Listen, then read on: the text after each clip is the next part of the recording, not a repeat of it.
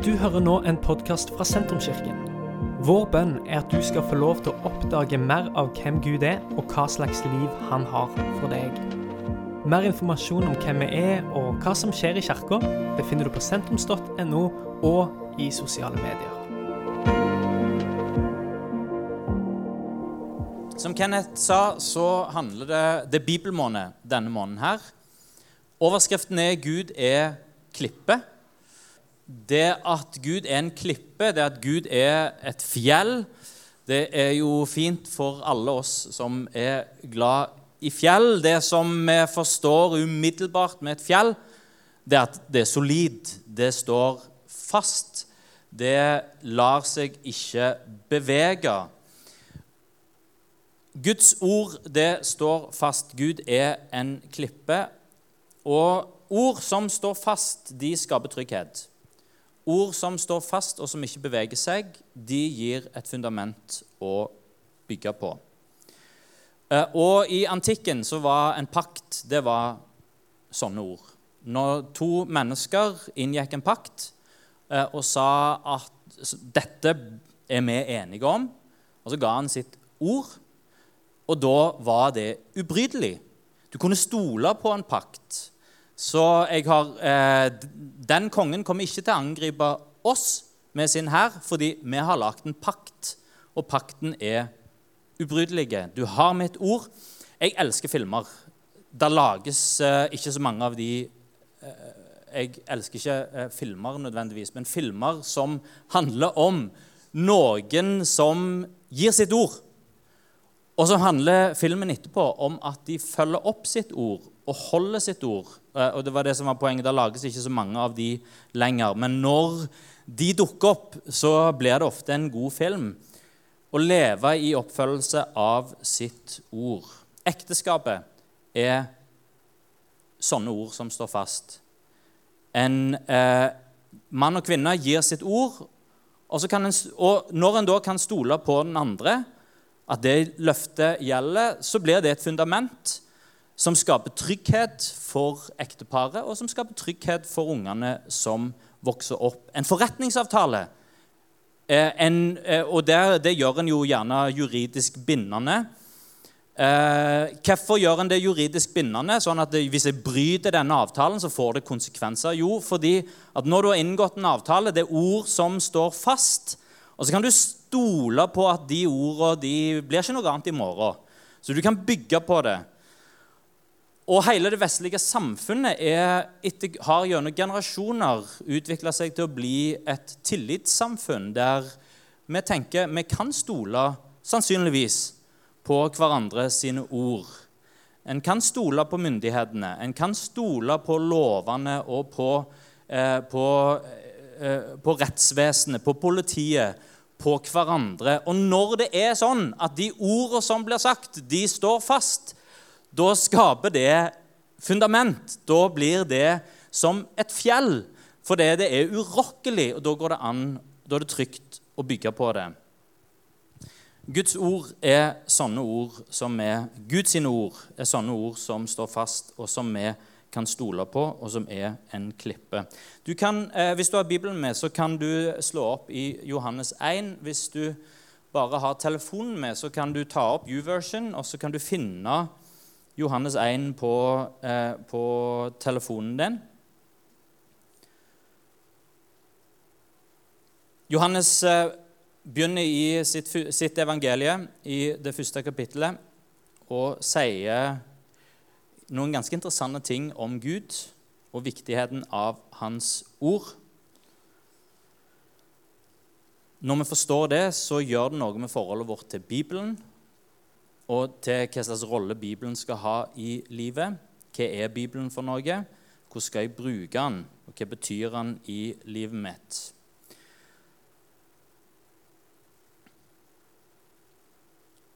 Johannes 1,1. I begynnelsen var Ordet. Ordet var hos Gud, og Ordet var Gud. Det er førsteplassen dette dukker opp i Bibelen at eh, og, og, evangeliet her er jo skrevet på gresk. I begynnelsen var logos. Logos var hos Gud, og logos var Gud.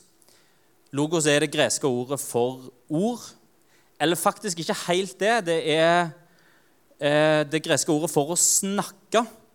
Samtidig som det òg betyr fornuft. Eller til og med Det går til med an å, å oversette med bevissthet. Så den geniale greske filosofen Aristoteles han eh, kalte mennesket for dyret med logos.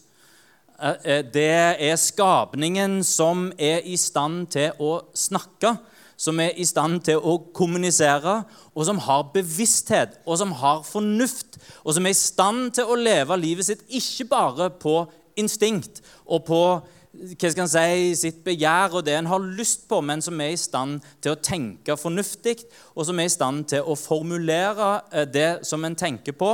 Eh, det er skapningen med logos.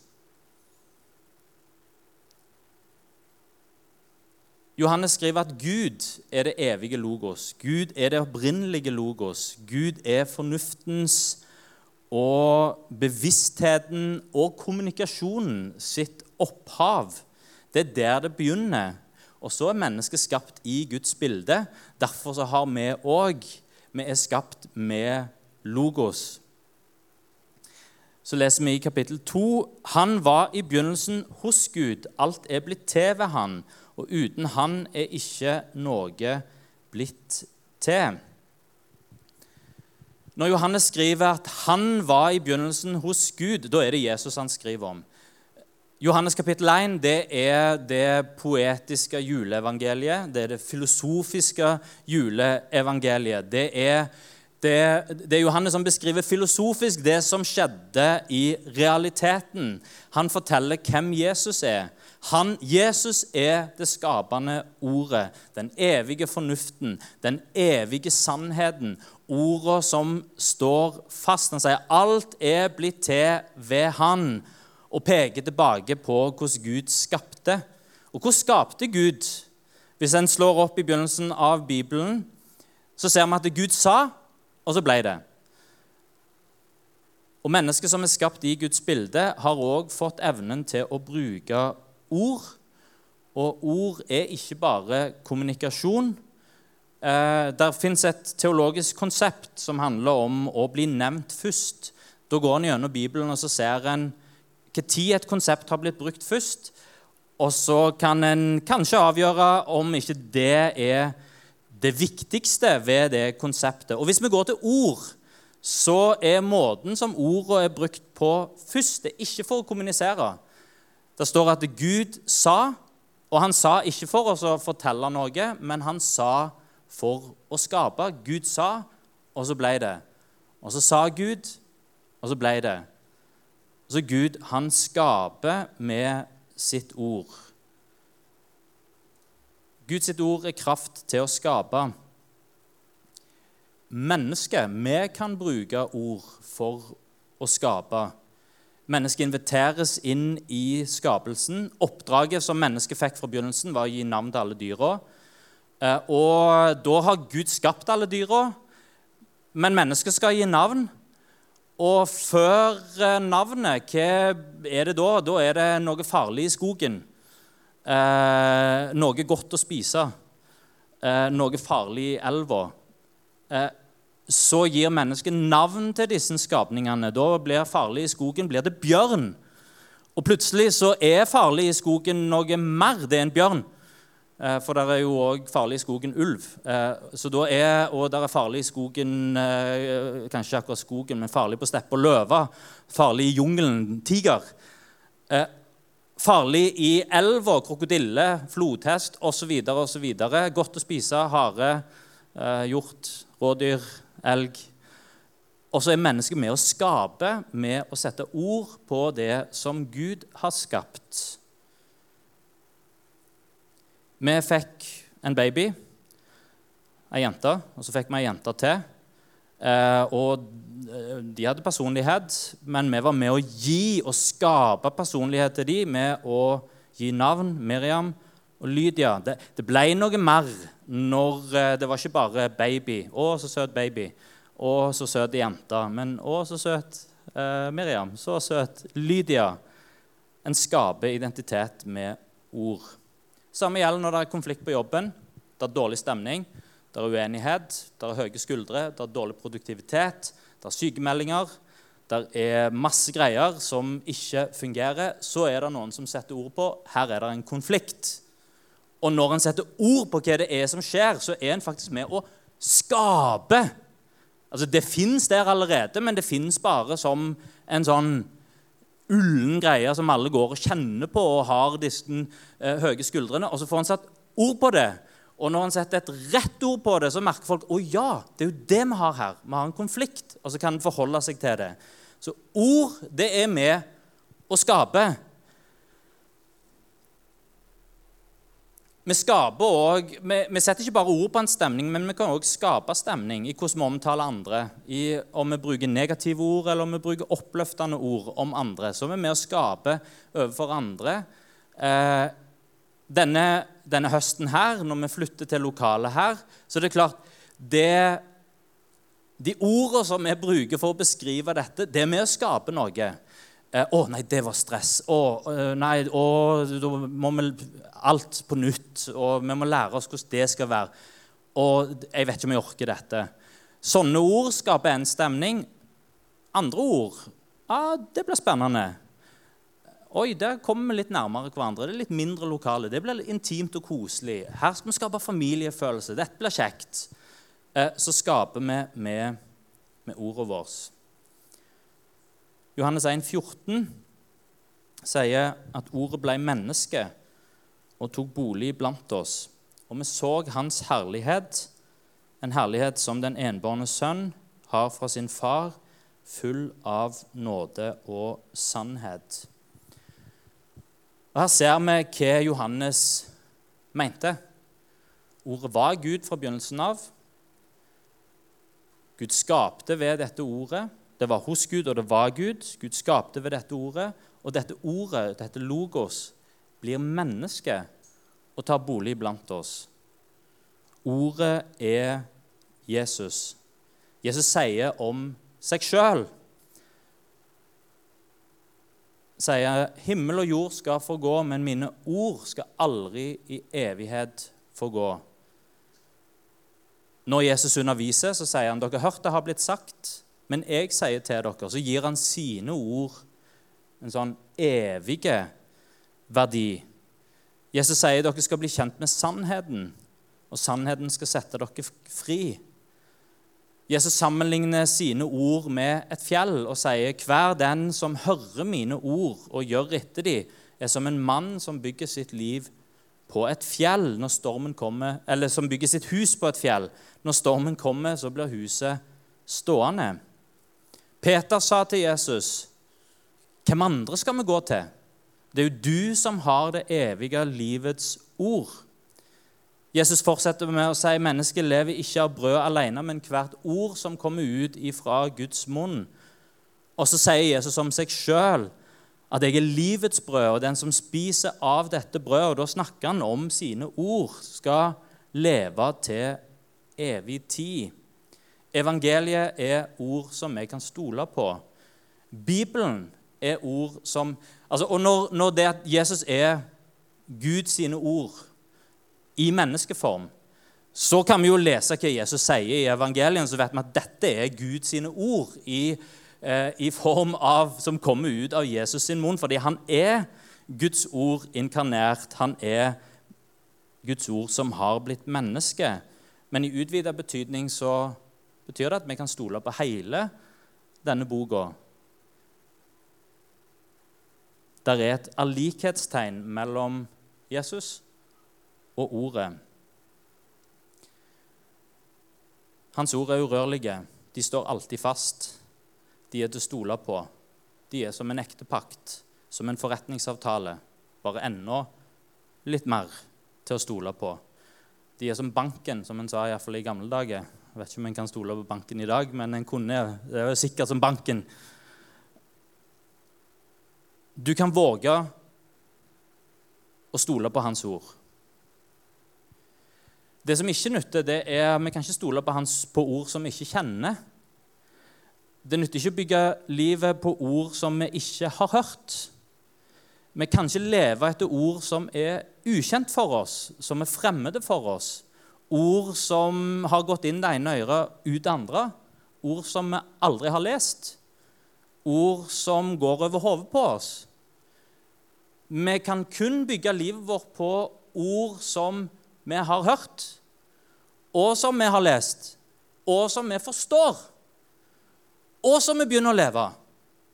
Når en har hørt, lest og forstått. Og som pastor så er Om det var én ting som vi kunne få til i menigheten vår, og om bare én ting, så var det at vi alle gikk til denne boka og sier dette er utgangspunktet for livet mitt. Her er oppskriften på hvordan jeg kan bygge et solid liv som blir stående uansett stormen, når, eh, hva storm som kommer, og hva en måtte gå igjennom. Vi lever i en tid av fake news og alternative nyheter, der en ikke nødvendigvis lenger alltid stoler på alt en hører. Um, fordi en hører noe, og så neste gang en hører om det samme, så kommer det en litt annen uh, historie. Og så alt etter hvem en er. Nå er det ikke så gale her i Norge, men, men i, altså, i, USA så er det helt krise om dagen. For der altså, er du den ene halvparten av landet, så, så hører du på nyheter derifra. Er du den andre halvparten av landet, så hører du på nyheter derifra. Og så, og så hører en forskjellige ting. Eh, og vi lever i dette i Norge òg fordi en får nyhetene sine via sosiale medier. Og sosiale medier har en tendens til etter hvert gjennom algoritmene sine til å bli et ekkokammer som serverer oss mer og mer og mer og mer av det vi liker, det som, eh, og særlig det som fyrer oss, og som gjør oss litt, litt småsinte og irriterte. Eh, og så får vi mer og mer og mer av det. Altså, se på min feed, f.eks. Den er stappfull av eh, vindmøller. Uh, og hvis jeg scroller litt på Facebook, så oh, jeg, jeg, det, det, trigger alle. Trykker på alle knappene. Uh, og jeg bare merker å, jeg vil ha mer av dette. Oh, disse vindmøllene. Uh, og sånn leser vi nyheter i ekkokameraer.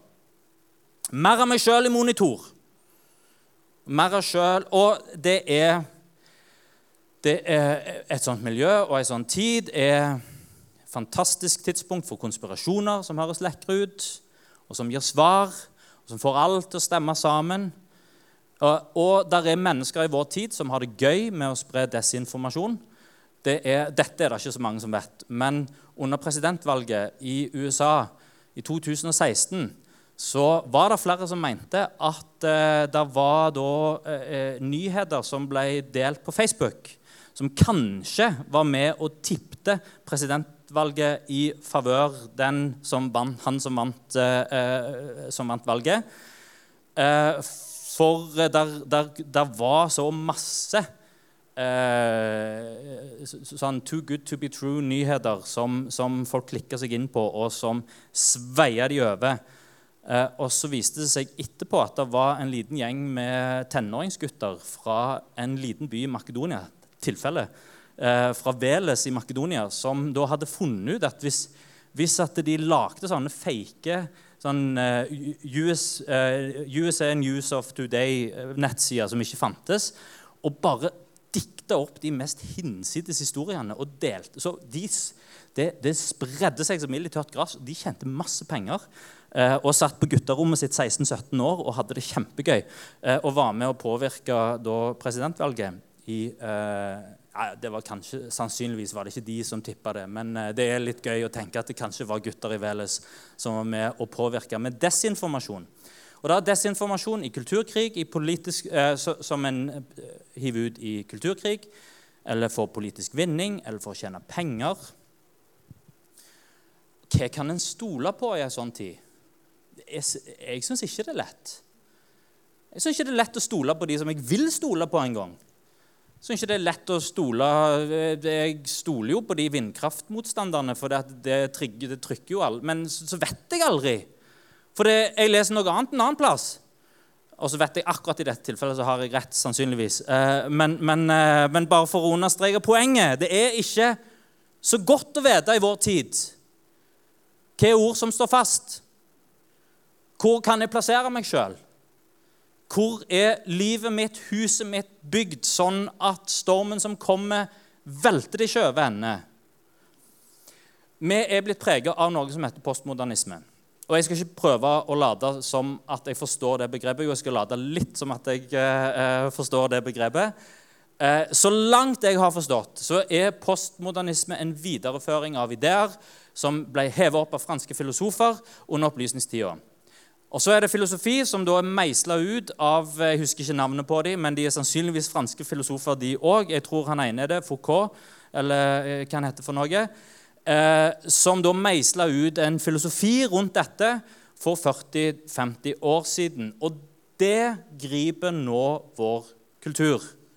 Enkelt oppsummert så sier postmodernismen alt er relativt.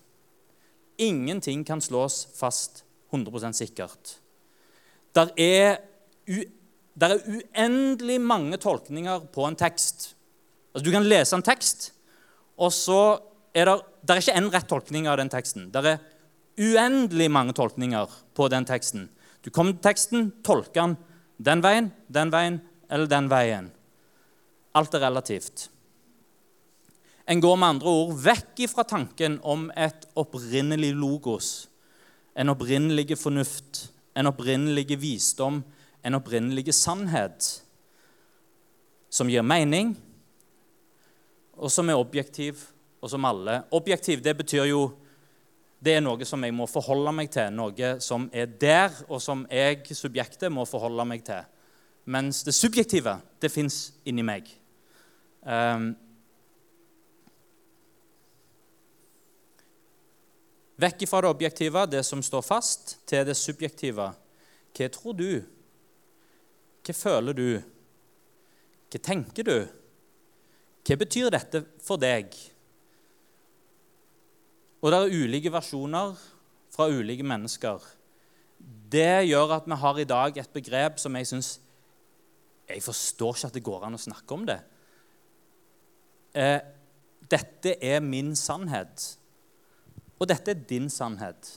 Med andre ord så er sannhet plutselig en subjektiv ting som du kan definere for deg sjøl. Min sannhet og din sannhet. Det, an, det er veldig vanskelig å snakke sammen hvis det er sånn at når jeg snakker, så har jeg min sannhet, men du har en annen sannhet.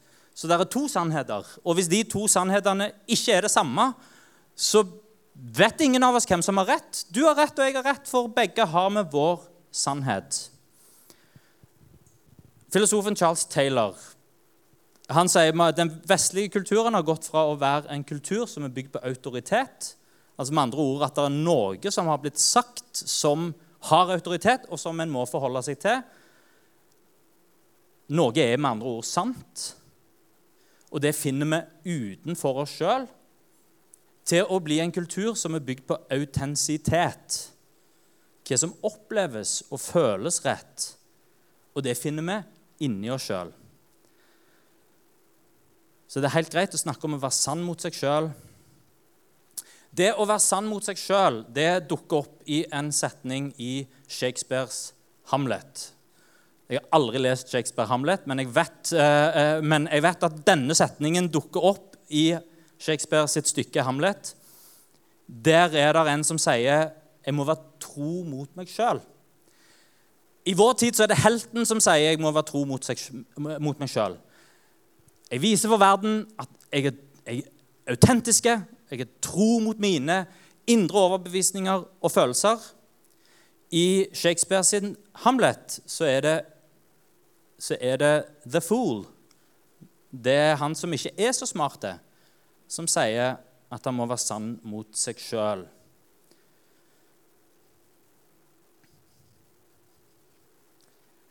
Det som er akseptert som sannhet, endrer seg i rasende fart. Hvis en følger mengden, så er det ikke alltid enkelt engang å følge med på hva en skal mene. Og det sparker bein under det som gir livet et solid fundament å stå på. Det vestlige mennesket har kjøpt løgna at livet blir bedre når vi har autonomi og frihet ifra Gud. Altså vi er selvstendige, vi er uavhengige fra Gud, og ikke bare uavhengige fra Gud, men helst òg fra andre mennesker. Eh, og så har det vestlige samfunnet òg kjøpt løgnen om Gud. Enten at han ikke vil oss det beste, eller at han vil begrense livet vårt og påføre rammer som tar bort vår livsutfoldelse og tar bort vår glede. Og så har vi òg kjøpt løgn nummer to, det at vi kan redefinere godt og ondt basert på stemmen på innsida og på følelsene våre. Heller det enn å stole på tradisjonen og stole på det som Gud forteller oss gjennom sitt ord. Når vi definerer moral på den måten, så fins det ikke lenger noen grenser. Identitet, moral, mening er noe som vi skaper sjøl. Vi er jo guddommelige og tar plassen som Gud skulle hatt.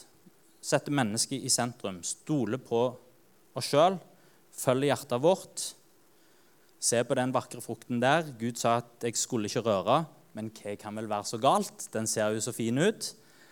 Jeg følger instinktet mitt, jeg følger min indre veiviser, og jeg følger min intuisjon. Jeg sier min sannhet og lar ikke noen fortelle meg hva jeg skal gjøre. Jeg er tro mot meg sjøl. Utfordringen i vår tid det er at når vi alle sammen gjør det, så blir ting uvisst. Mennesket blir grenseløst. Samfunnet blir òg grenseløst. Og det er mange som kjemper med angst, med meningsløshet, med depresjon, med nedstemthet og med utslitthet. Kanskje er det fordi vi bygger livet på sand, og at den sanden flytter seg hele tida. Og at det er noe som ikke blir stående på sikt. Og i en tid av kaos så søker vi rammer. Og hvor finner vi sånne rammer? I tid av kaos så søker en det som er stabilt. Og hvor finner en de rammene? Du finner de her. Du finner de i Guds ord. Det er, det er som mursteiner som du kan mure et fundament for livet ditt og bygge på det. Og det er solid, for det er urørlig. Det er ord som aldri i evighet skal forgå. Sannheten er at bak jorda og bak mennesket så står det en skaper. Vi er, mennesket er resultat av design. Hvis det er sant at mennesket er resultat av design, så er det òg en intensjon Der det er et design, der er det en intensjon, og der er det mening bak, eller et formål bak designet. Hvis det er intensjon og mening, da er det òg moral. Med andre ord, hvis jeg har designa en uh, Jeg har designa en gitar. Uh, så er det klart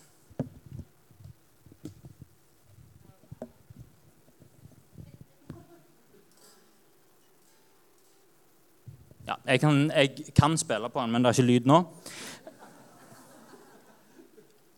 Så når jeg bruker gitaren sånn til å spille på, så følger jeg intensjonen bak designet. Hvis jeg tenker at eh, den kan òg fungere som ei klubbe, eh, så skal ikke jeg demonstrere det, men da, da er det en da er det en moral til hvordan du bruker den gitaren. Og du kan bruke den på rett måte, og du kan bruke den på feil måte. Der det er, der det er en skaper, der er design, og der er et formål og en intensjon, og der er en moral, så fins der òg eh, Så står du òg ansvarlig. Altså, jeg står faktisk ansvarlig overfor, i dette tilfellet, Markus, på hvordan jeg bruker Om jeg bruker gitaren hans i henhold moralsk, i henhold til den intensjon og det design og det som den er skapt for å gjøre. Er, er du med på tankerekka? Og der er vi til kjernen på det som vi som mennesker ikke liker. For aller helst skulle jeg ønske at jeg ikke sto til ansvar og kunne bare ta gitaren til Markus og bruke den som klubbe, for jeg trengte ei klubbe akkurat nå. Uten å måtte stå til ansvar for han etterpå. Kun være ansvarlig overfor meg sjøl. Ikke leve livet etter autoritet, men å leve livet etter autentisitet. Dette er, egentlig, er, dette er egentlig en veldig veldig lang reklame for denne bibelleseplanen.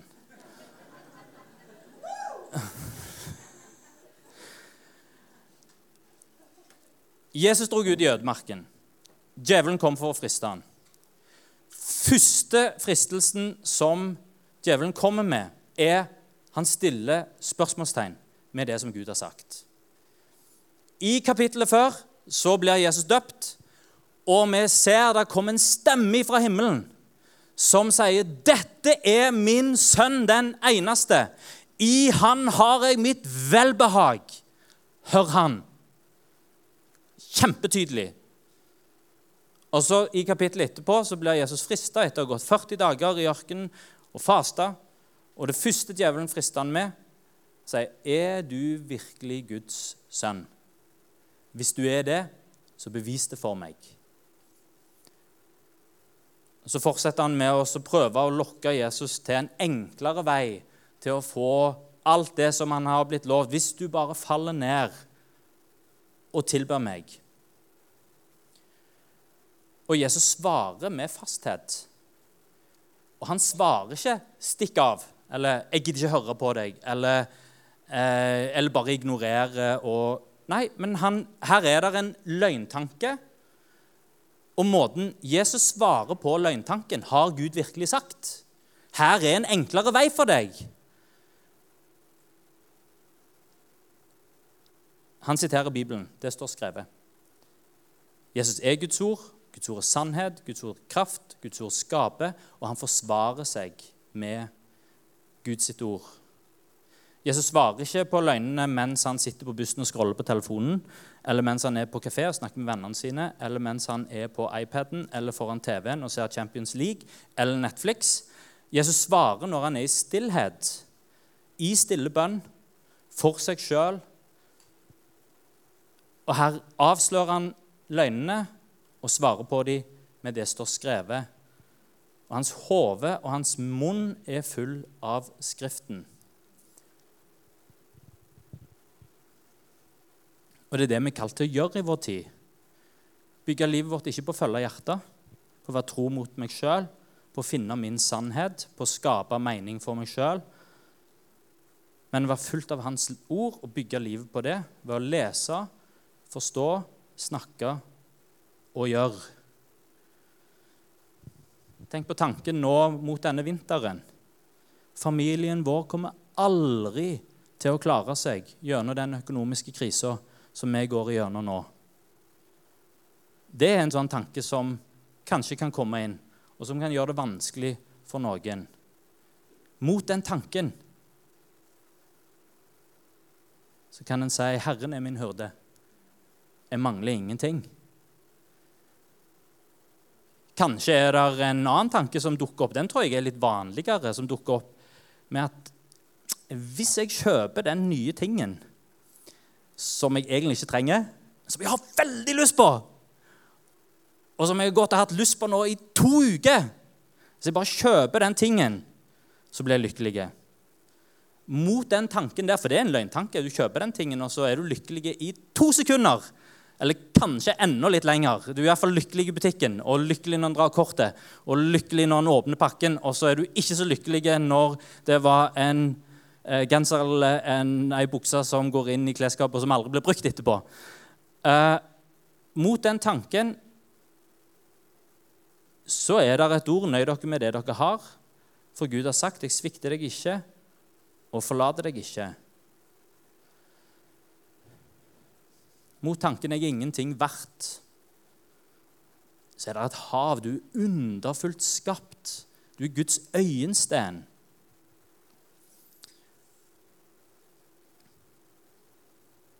Vi kan bygge livet vårt på noe som er solid. Vi lærer oss Guds ord gjennom å lese Guds ord. Eh, og, det her innsalget kommer på bibelleseplanen. Tenk om vi som kirke denne måneden kan lese eh, Bibelen sammen. Eh, skal vi se, jeg må ha, med denne og Den her. Og her er det ingen unnskyldning for til og med de voksne som syns at, eh, at denne bibelleseplanen her med, eh, med opptil flere vers til dagen eh, blir litt eh, vel heftige, så har vi Oppdag Bibelen, som er, her er det både kryssord og det er alt mulig som en kan gjøre sammen med, sammen med ungene. Og det skal en heller ikke kimse av. For det er ikke nødvendigvis her er det ikke nødvendigvis mengde som er det viktige. For ord som går inn det ene øret, ut det andre, ord som bare surrer litt over hodet, som aldri får rot i hjertet, det, det, får vi jo ikke gjort noe med.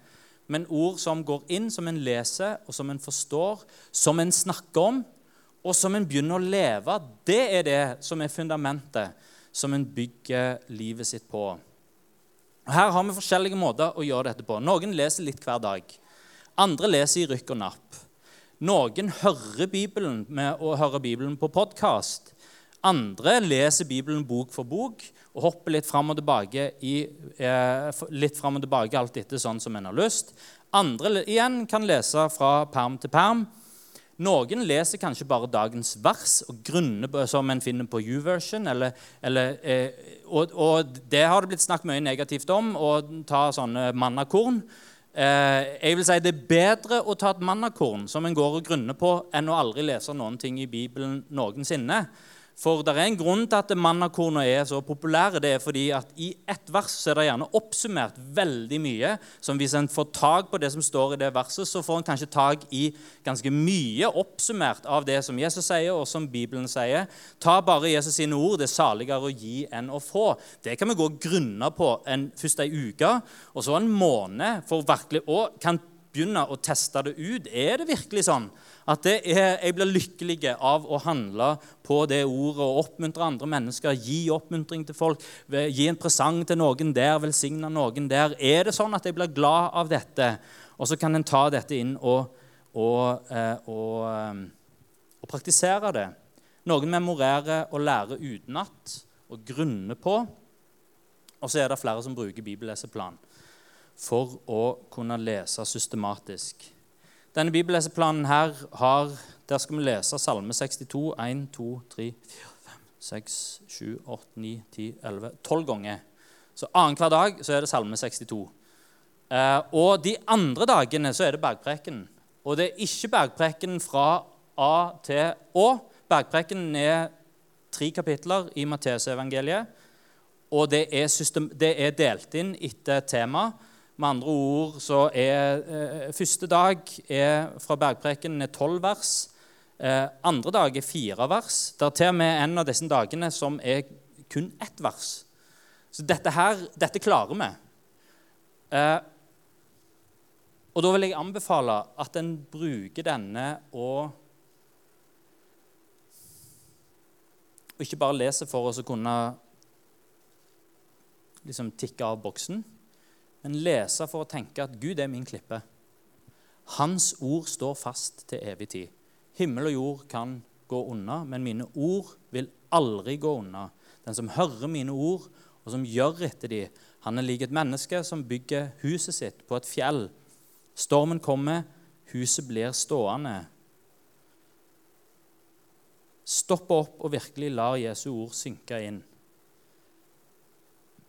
Og Jeg vil avslutte med denne tanken. og Den har jeg delt før, så beklager at jeg maser med den igjen. Men jeg syns den er så viktig at vi trenger å få den fram.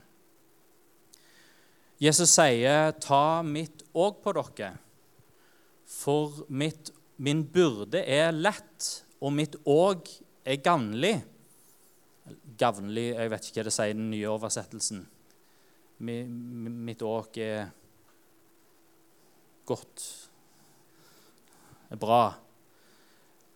Ok, Her er min forståelse. Tenåringsper Eivind. I 20-åra Per Eivind. I 30-åra Per Eivind. Per Eivind litt over 40 òg. Eh, som leser at 'min byrde er lett', mitt òg er gamlig. Så leser jeg det Der er en byrde her. Og det er det kanskje òg, men den byrden er lett.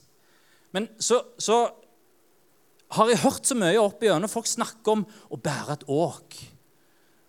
Og jeg bærer et åk. Har, det er en byrde. Du bærer på deg noe som tynger deg ned. Et åk. Og så Heldigvis så sier Jesus at mitt, mitt åk er, er, ikke sånn. Det det er, ikke, det er ikke, så gale. Eh, mitt åk er gavnlig, og byrden er lett. Så det er ikke så tungt som andre byrder. Men det er ikke det Jesus sier. For hva er et òg egentlig? Og det, dette, dette, er nesten flaut å si, for jeg vet det egentlig. Men det var ikke før vi kjøpte hytta for to år siden, og jeg så på veggen og sa at der er det jo et sånn åk, et gammelt åk som en, eh, med rosemaling på, som den tidligere eieren var som snill og la oss få ha på veggen fortsatt. og ikke tok med seg. Veldig fint. Blått er det, med rosemaling. Så jeg på det òg og tenkte i alle dager, det er jo det som er et åg. Det er jo fint utforma til nakken. Det, det, det eh, går liksom ut over skuldrene. Og så kan du, eh, kan du ta ei bøtte på den sida, og du kan ta ei bøtte på den sida. Og, og det er ganske det er, Hvis du skal ha to bøtter fulle av vann, eller et eller annet annet tungt, så er det ganske tungt å gå og bære de sånn som dette. Da må du være bygd sånn som meg for å få det til. Eh, mens når du har et åg på deg, så plasserer det seg på nakken og så, fordel, og så har du byrde der og byrde der, og så løfter du, og så fordeles byrden jevnt, og det er lett å bære. Fariseerne og de skriftlærde som underviste på Jesus' i tid, kalte sin lære for et åk. Ikke en byrde, men en hjelp til å bære byrden. Når vi leser bergprekenen, så skal vi tenke at Jesus sine ord er ikke en byrde å bære. Jesus sine ord er et åk som hjelper oss å leve sant og leve livet vårt på en sånn måte at vi bærer byrden.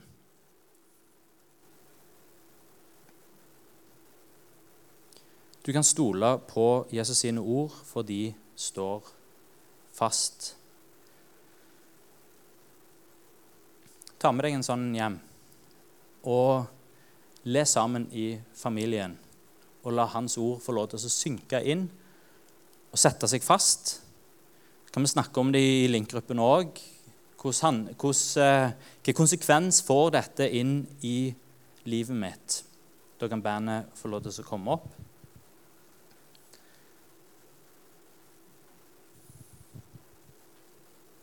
Og så kan vi lande med Det er innbydelsen min òg.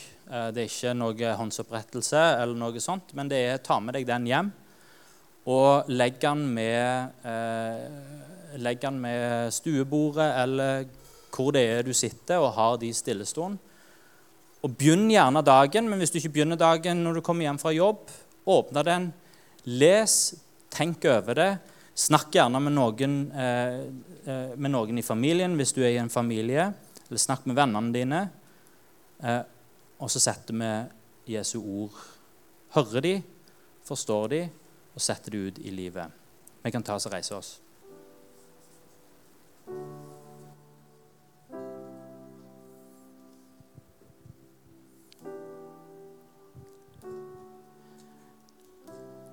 Takk, Herre Jesus, at uh, ditt ord står fast. Takk at ditt ord er til å stole på. Takk at ditt ord er sant. Takk at ditt ord gir et fundament som vi kan bygge livet på. Herre Jesus, jeg ber om at du hjelper hver og en av oss, at våre ord òg kan stå fast. Hjelp oss til å kunne snakke sant. Hjelp oss til å være tro mot deg og ditt ord, Herre. Herre Jesus, jeg ber, ber om hjelp for min egen del til å forme mine tanker forme mine ideer, forme livet mitt etter ditt ord.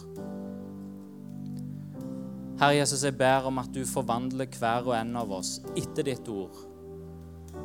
At du sender ditt ord til oss, at det får slå rot, at det får vokse, at det får bære frukt. Takk at ditt ord det utfører det som du sender det til å gjøre. Takk at ditt ord det skaper. Og takk at ditt ord det er kraftfullt. Jesu navn. Dette er slutten på denne podkastepisoden. Har du spørsmål om Jesus, om tro, om livet, så er du hjertelig velkommen til å ta kontakt med oss via sentrums.no.